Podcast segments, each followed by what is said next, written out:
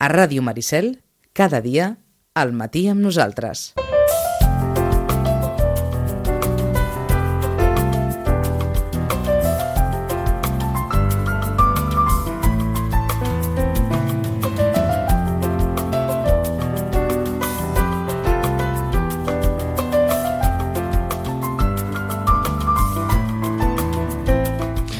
Parlarem de llibres i parlarem d'activitats. L'agenda de, la, de la biblioteca, com cada quinzena, amb la Marta Sánchez. Marta, bon dia. Hola, bon dia. Uh, una agenda que uh, ve farcida ja cada cop doncs, aquests engranatges que abans de l'estiu doncs, uh, ja vas comentar que, que a poc a poc es posarien en funcionament i que passat l'estiu doncs, aleshores ja, ja començaria la Santiago Rossinyol la dinàmica habitual, però a la Roig i Reventós doncs, uh, la vida sigue, no? La vida sigue, i de fet a la Santiago Rossinyol sí que és cert que la idea és aquesta, eh? que a partir de l'estiu, durant l'estiu, doncs, pensar no? en idees que ja tenim, de, de fer cicles de diferents temes i de ser des de la biblioteca qui també marquem no? aquestes uh -huh. activitats, però sí que és cert que ja estem rebent moltes propostes de fer coses i per tant hem dient que sí, no? mirant el calendari sempre que es pot estem dient que sí i per tant durant el mes de, el que queda de maig i de juny doncs seguirem fent, fent actes i activitats a la biblioteca també. Uh -huh. Ja podem dir que la Santiago Rossinyol doncs bé, fa, fa, fa ja el mes, ara uh -huh. ja s'ha complert sí. el mes, eh, ja està en la, en la dinàmica habitual, la dinàmica normal de, de gent que ve, més enllà de les activitats que, que encara s'han d'acabar d'embastar, però allò, la, la gent ja ha tornat a agafar l'hàbit de... Aquests dies, la veritat és que la biblioteca, hi ha, hi ha moments que dius, ai, està tranquil·la, no? Està tranquil·la, però després a la que et passeges per les diferents plantes està plena, perquè també és més època d'examen i per tant sí que l'ús està sent molt bo, estem contents de, de com està anant uh -huh. i encara continua venint gent que és la primera vegada i per tant encara sent algú no? Encara hi ha alguna visita. Sí, sí, sí, i tant, uh -huh. sí, sí. Mm, clar, a veure, costarà no? un temps de rodatge de, de, de tornar a tenir la, tota aquella, tot, no? tota la maquinària maquinària en marxa com abans, però estem en molt bon camí i estem molt contents de com està anant i de resposta de tothom. Uh -huh. Doncs, si et sembla, comencem a repassar primer l'agenda. Doncs repassem l'agenda, doncs dimecres 23 de maig, demà. Demà? Demà, demà que farà un mes de l'obertura. Ah, exacte.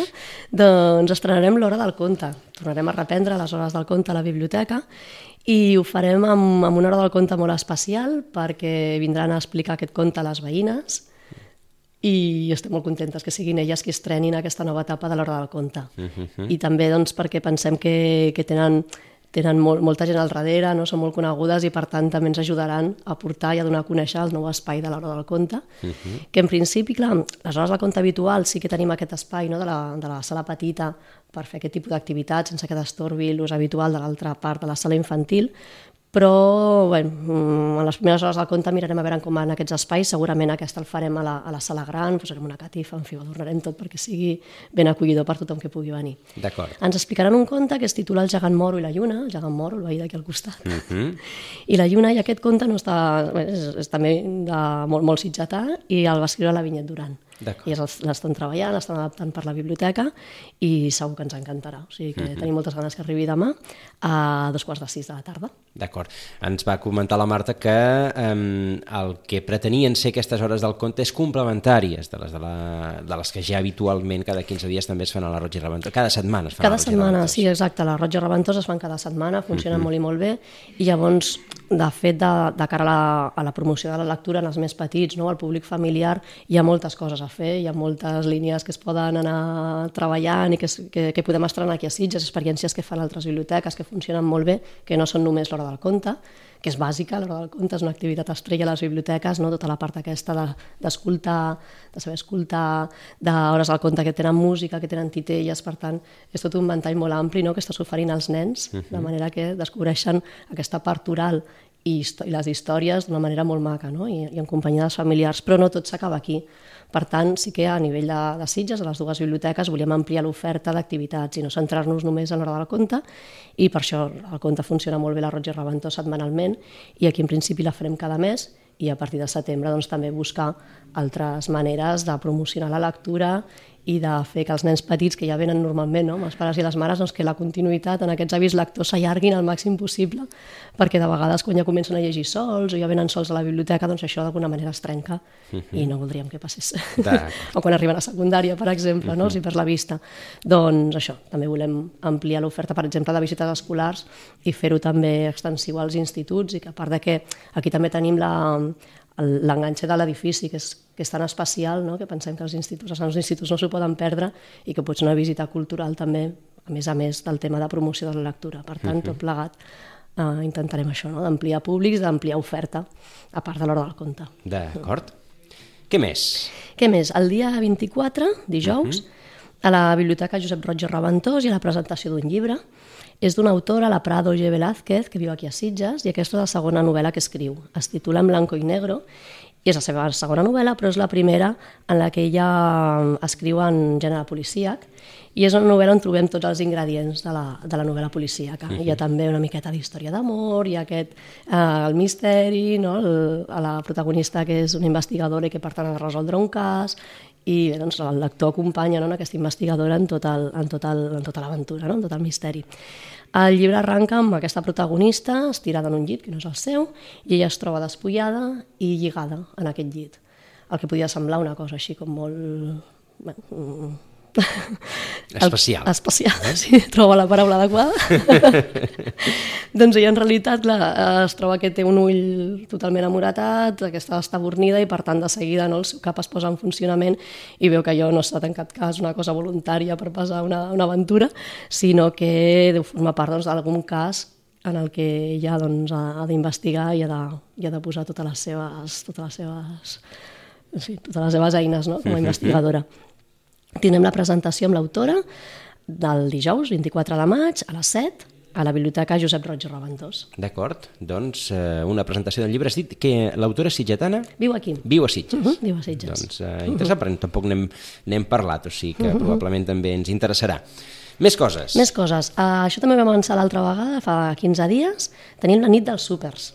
S'ha anunciat per TV3 i és aquest divendres, el 25 de maig, de 8 a 9. Uh -huh. Um, aquesta nit del súper és una cosa nova també per, per tots els que hi hem volgut participar, en aquest cas la Biblioteca Josep Roig i Reventós i altres biblioteques de la zona, en fi, de, de tot Catalunya que s'hi han afegit i és una cosa que ens han donat unes instruccions molt clares i molt concretes, fins i tot les companyes van anar l'altre dia a Barcelona on els hi van explicar tot el funcionament, ho van assajar perquè hi ha d'haver una, hi ha una feina de coordinació, coordinació. important eh? perquè uh -huh. tot funcioni bé i la Matoll i la Nanúfar puguin sortir d'aquesta biblioteca on el senyor Ple les té tancades des fa uns dies i sense l'ajut dels nens i nenes i famílies que vinguin a les biblioteques doncs serà impossible que pobretes sortin d'allà. Per tant, esperem tota l'energia i la potència de... És a dir, tots els nens de Catalunya han de han d'unir les seves forces perquè Exacte. la Matoll i la Nanúfer puguin sortir. De la biblioteca i ho faran dintre de biblioteques de tot Catalunya. D'acord. Exacte. L'altre dia m'explicava la Bàrbara d'un nen que estava molt amoïnat i li preguntava però quants dies fa que estan tancades? I com mengen? I qui els hi dona el menjar? I dormen? I estava pobret molt molt amoïnat. Doncs ni que sigui per aquest nen i com aquest molts les hem de salvar, les hem de treure d'allà això està claríssim.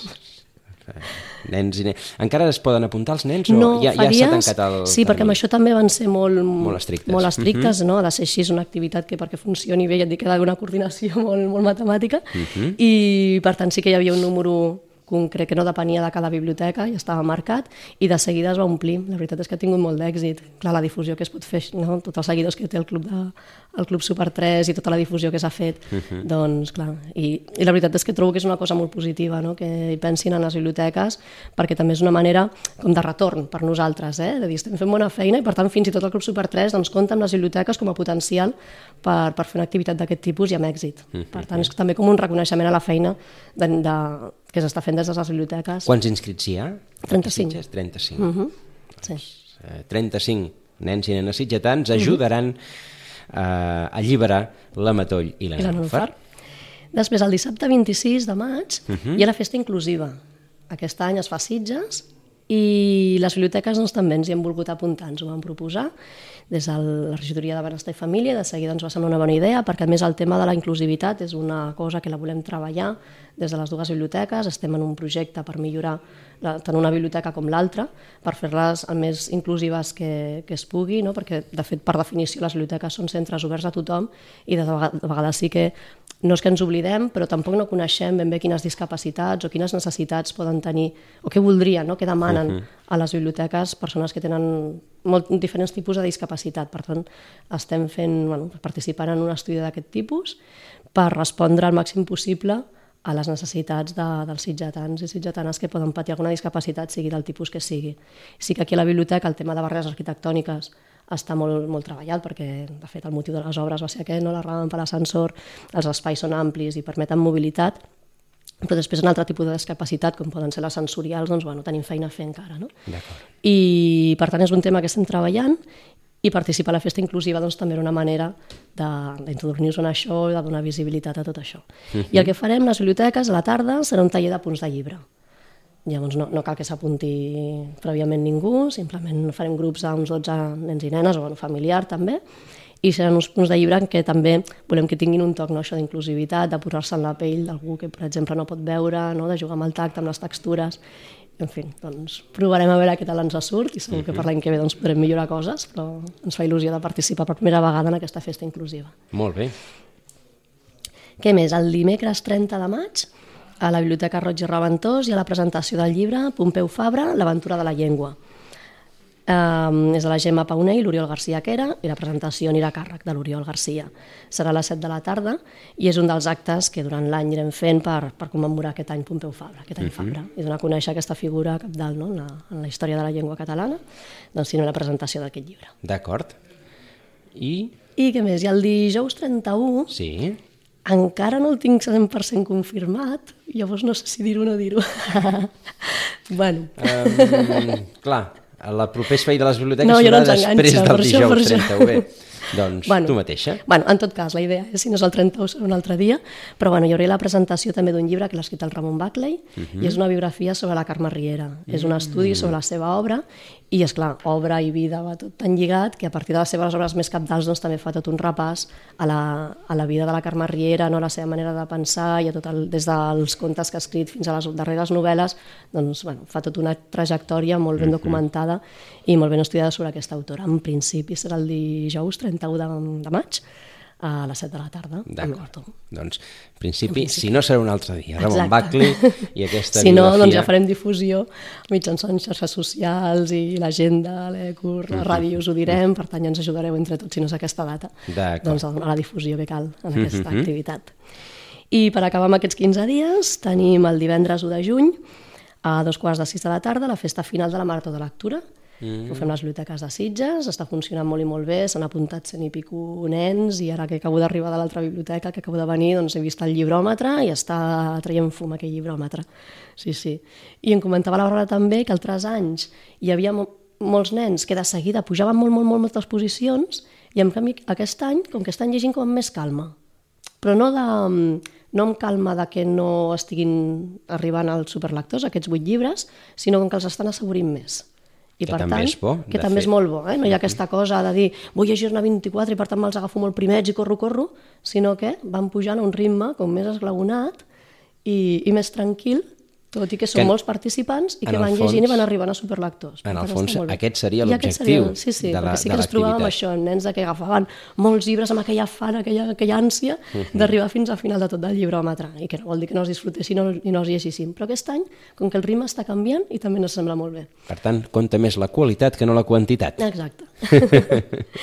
I aquell mateix dia farem aquest, aquesta hora del conte uh -huh. especial. Sí. Tindrem un any més a la Sandra Rossi, que és una narradora que ve molt sovint a la biblioteca, a les biblioteques, que ens agrada molt, que fa molt bé, i ens explicarà contes sorpresa mm. perquè tot aquell dia és com una sorpresa. D'acord, doncs amb la Sandra Rossi també una altra de les, de les activitats d'aquesta uh -huh. quinzena. Exacte, i amb això acabem l'agenda. I amb això acabem, acabem l'agenda, però no acabem els llibres. Exacte. Perquè tens llibres aquí sí. sobre la taula també He posat unes recomanacions. A veure. Són de la biblioteca Josep Roig, Santiago Rossinyol, vaig amb el xip canviat encara. N'he agafat tres, un de cada un dels centres d'interès o fons especials que tenim a la biblioteca. I llavors un és el Fons Especial de Modernisme, aquest ja, ja és un dels fons especials que, que ja estaven formats i, i està format això no, per llibres de diferents de les diferents arts que, que pot aglutinar tant el modernisme com el noucentisme. Aquest curs porta és una novetat i es diu Les set vides de Pere Romeu. Està escrit per Josep Bargalló. El subtítol és Indians, modernistes i esportment. Tenim aquí a la, a la coberta la famo, el famós retrat d'aquells dos ciclistes amb un tàndem. Uh -huh. Doncs amb Pere Romeu va ser un personatge molt, molt important en la vida pública de Catalunya, de la Catalunya modernista. Va tenir molta relació amb tot el modernisme, amb, el, amb els indians, amb el Ramon Casas, els va unir una amistat molt gran, i aquí ens explica doncs, la història de, de Pere Romeu, que potser així pel nom no és tan conegut com Ramon Casas, com Santiago Rossinyol, però també va ser una figura capdalt. És, és un llibre de l'any Casas, pel que, uh -huh. pel que estem veient, editat per l'any Casas, a càrrec de eh, doncs, el que havia de prendre possessió demà com a conseller d'Educació de la Generalitat. Josep Bargalló, eh, exconseller en cap però doncs, en la seva vessant intel·lectual ha fet aquest estudi sobre, sobre Pere. Romeu. Exacte. Doncs aquest llibre forma part del Fons Especial de Modernisme, que està uh -huh. a la primera planta de la biblioteca, al costat dels llibres d'art, però destacats també amb un logo, que és aquesta mateixa, aquest mateix dibuix del, uh. -huh. del tàndem, de la bicicleta, i per tant és representatiu d'aquest fons especial que es pot treure en préstec, sí que hi ha algun esclòs, però en tot cas tot es pot treure en préstec i, i mirar-ho a casa. D'acord. Què més? El segon és un llibre que hem tret del Fons Especial també de Cinema Fantàstic, aquest sí que és, que és un dels fons especials que hem creat ara amb l'estrena d'aquesta nova etapa de la biblioteca, aprofitant que durant molts anys s'han recollit tots els programes de, del Festival de Cinema Fantàstic i sí. la vinculació està claríssima, doncs pensàvem que també era un, un bon centre d'interès, no? un fons especial de tenir llibres sobre cinema o gènere fantàstic en general. I he triat aquest, de Guillermo del Toro, Les fàbules mecàniques, perquè és un director molt representatiu de, de cinema fantàstic, ha estat aquí al festival moltes vegades. Va inaugurar mm. l'any passat amb La forma de l'aigua, que després se'ns van dur l'Òscar, és Exacte, a dir que, sí que... Uh, més adequat no pot ser. Exacte, té un pròleg de Santiago Segura, aquest llibre, i fa una repassada molt ben il·lustrada amb fotografies i escenes de les pel·lícules, de tota la seva filmografia, i amb grans especialistes en el tema doncs, que fan aquest anàlisi i aquests comentaris a la seva filmografia. Per tant, és una manera de complementar, veure una pel·lícula, que també la podem agafar alguna de, del fons de la biblioteca, uh mhm. -huh. juntament amb aquest llibre més, més teòric, però que és molt amè de llegir, perquè més, clar, tot aquest món del Guillermo del Toro, no? tota aquesta imaginació desbordant, doncs també val la pena de conèixer-la. D'acord. I el tercer és una novetat que ens ha arribat a l'últim lot, i aquest forma part d'aquest centre d'interès que tenim, que es diu Fill i Agulla, aquest també és nova mm. creació, aprofitant doncs, aquest festival de patchwork que ja està tan, tan consolidat a Sitges i que li hem volgut donar també aquest protagonisme a llibres sobre labors que es fan amb fil i agulla, sigui doncs, llana, ganxet, el patchwork, evidentment, en fi, mil tècniques i, i recursos. Aquest es diu Atrévete a rediseñar tu vestuario, ideas creativas para, para darle una nueva vida a tu ropa. És de Frau Jonanson, també té un logo que és representatiu d'aquest fons especial. I aquí doncs això, trobem mil idees amb totes les instruccions, els materials que calen per donar una segona vida a roba que podem tenir doncs, que sigui bàsica o que ja està una miqueta passada de moda o que ja ens ha avorrit, doncs amb diferents tècniques de posar doncs, aplicacions, de fer algun brodat, d'estampar algun dibuix, alguna, algun tema de, això, no? més, més de color, doncs, donar-li una segona vida. El típic llibre, doncs, això, d'instruccions uh -huh. de, o, o d'agafar idees Exacte. a partir, doncs, en aquest cas, de, uh -huh. de, de roba de antiga. Roba. Exacte. Uh -huh. Doncs són tres idees per donar a conèixer aquests fons especials que tenim a la biblioteca. D'acord. I l'últim que porto és un àlbum il·lustrat uh -huh. d'una autora que m'agrada molt, es diu Susi Lee. Aquest llibre es diu Línies i realment és el que trobarem, línies, en aquest llibre. No hi ha, no hi ha massa paraula, eh, per no dir-ne cap. és un llibre d'imatges, un àlbum il·lustrat només amb imatges, i ens situa en una pista de patinatge. Aquí a la coberta trobem una nena ja que està patinant i amb un d'aquests traços que la, està patinant sobre gel i amb un d'aquests traços que el, el patí de gel marca en el gel, doncs tenim el títol, no? un línies així com un traç uh -huh. que ha fet ella mateixa patinant. Eh, és un llibre il·lustrat de, de molta qualitat, la Susili té una, un llibre també molt bonic que és La onada i és el joc d'una nena amb una onada que li ve a la platja, com l'esquitxa, com l'acaba mullant, com ella corre per, perquè, no, perquè la onada no l'atrapi. Eh, té un altre llibre també que passa en un zoològic, doncs aquest de línies és això, no? un patinatge. Um, simplement veurem això, el moviment, i com un traç com de llapis podem marcar tot el moviment que fa aquesta petita patinadora, de girar voltes, de rodes, de, en fi, totes les cabrioles que fa.